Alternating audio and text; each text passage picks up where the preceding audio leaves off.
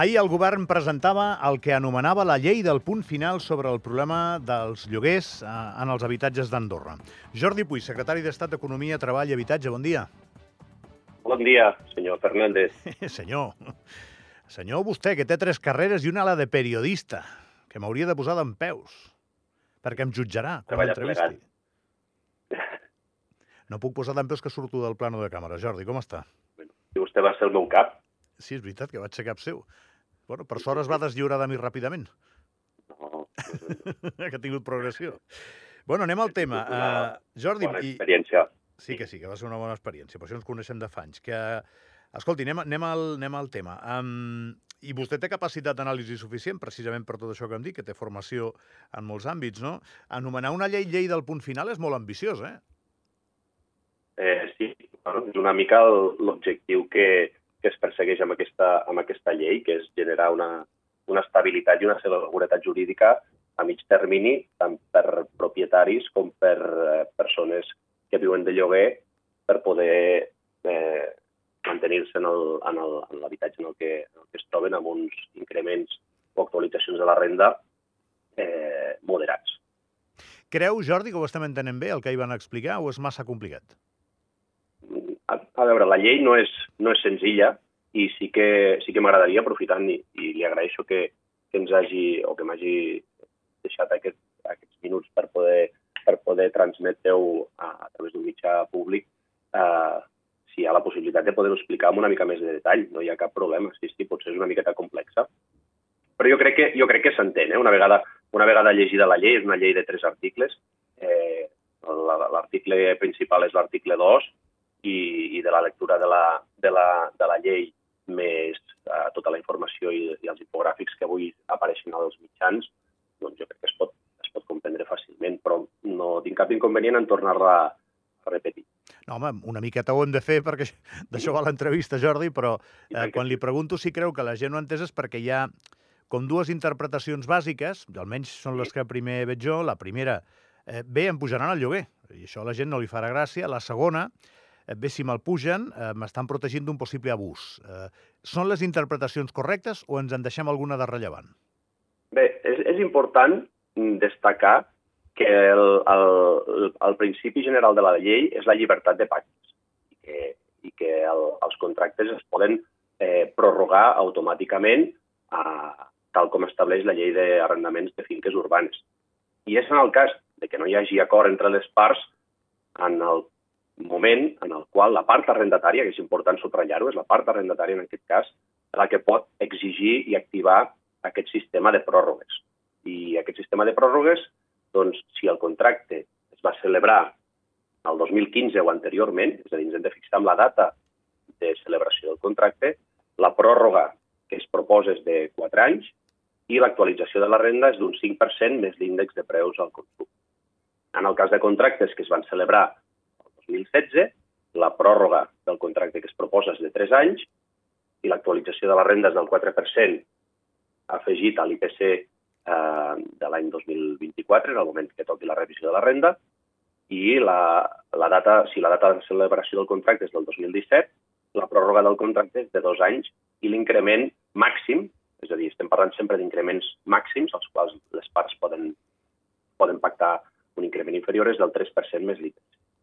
Cas de contractes celebrats el 2018, la pròrroga del contracte és d'un any i l'increment o l'actualització de la renda és del 2% més l'IPC, i en el cas de la celebració de contractes eh, que tingueren lloc l'any 2019, la pròrroga és d'un any i una actualització de la renda d'un 1% més l'IPC.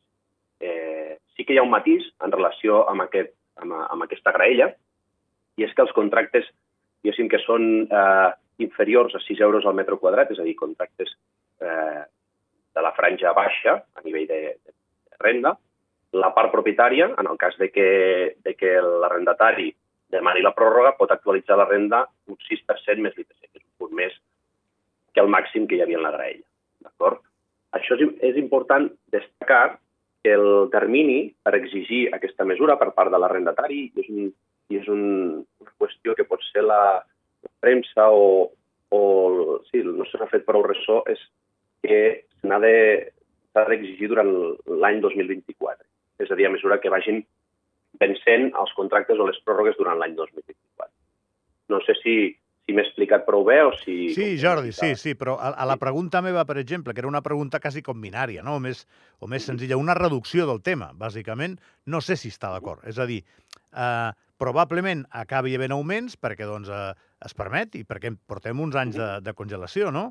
Però eh, el que el govern pretén és, primer, a mig termini, eh, doncs, eh, que la cosa acabi regulant-se sola, que és el, un propòsit bastant corrent en una economia de lliure mercat, i sobretot eliminar les arbitrarietats. Eh, o sigui, això ho dic bé o no ho dic bé, Jordi?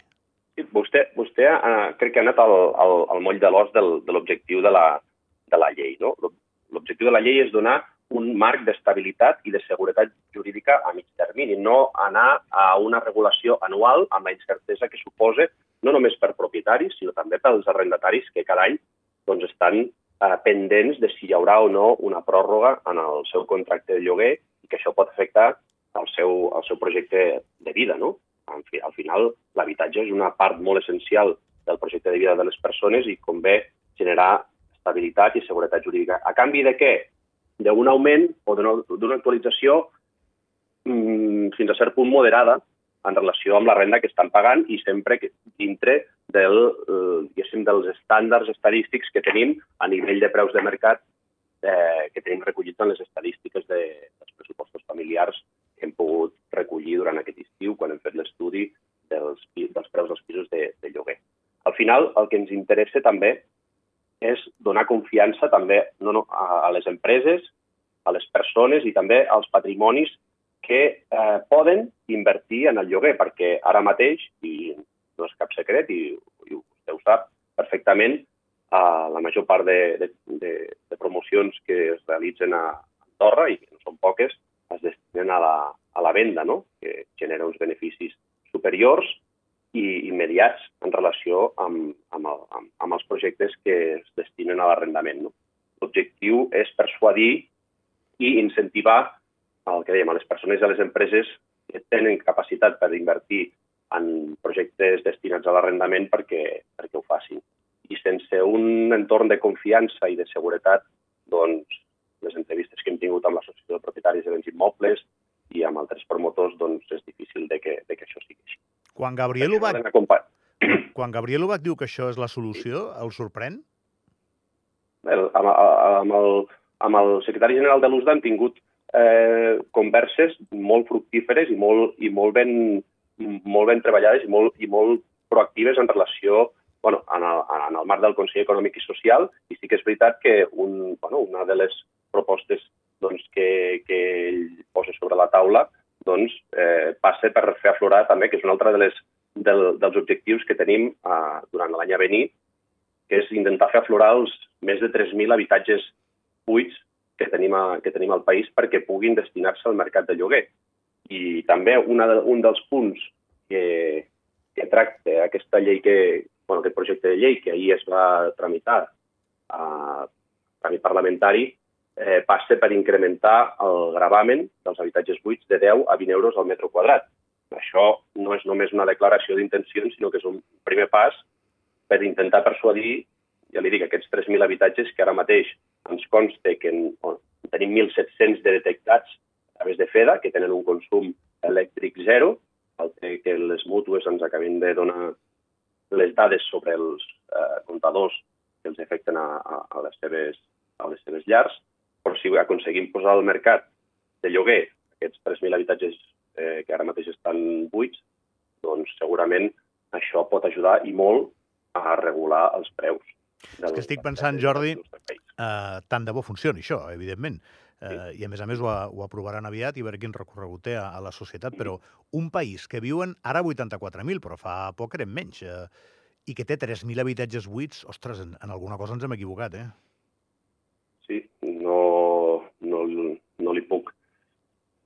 Donar mm, la, bueno, li he de donar la raó, sí, sí. Gràcies. És un, és un, és un luxe, és un luxe tenir 3.000 habitatges que ara mateix estan buits a, a, al nostre país i amb, i amb una economia que, llevat de l'IPC, que, que està intervolint una mica diguéssim, el devenir de l'economia andorrana, doncs una economia que és pròspera i que genera llocs de treball i, i que, que cada vegada doncs, generen més, eh, bueno, fa que cada vegada siguin més persones vivint al nostre país. Sí, sí. Claríssim. Jordi Puy un dia vindrà aquí a l'estudi, no? Si el convidem, eh, que sí? Jo estaria encantat de... de que sí. No, no ha trobat mai a faltar el periodisme? Des que el va deixar, és que fa molts anys ja. Sí, sí, sí, i tant, i tant, i tant. A mi m'encantaven les rodes de premsa del govern des de l'altre costat, no? quan hi havia el senyor Pujal de portaveu o, o el conseller general, sí, sí, i tant. Miri, però ara les fa vostè. Jordi, cuidis molt, gràcies, eh? Gràcies a vostè. Que vagi molt bé. Adéu.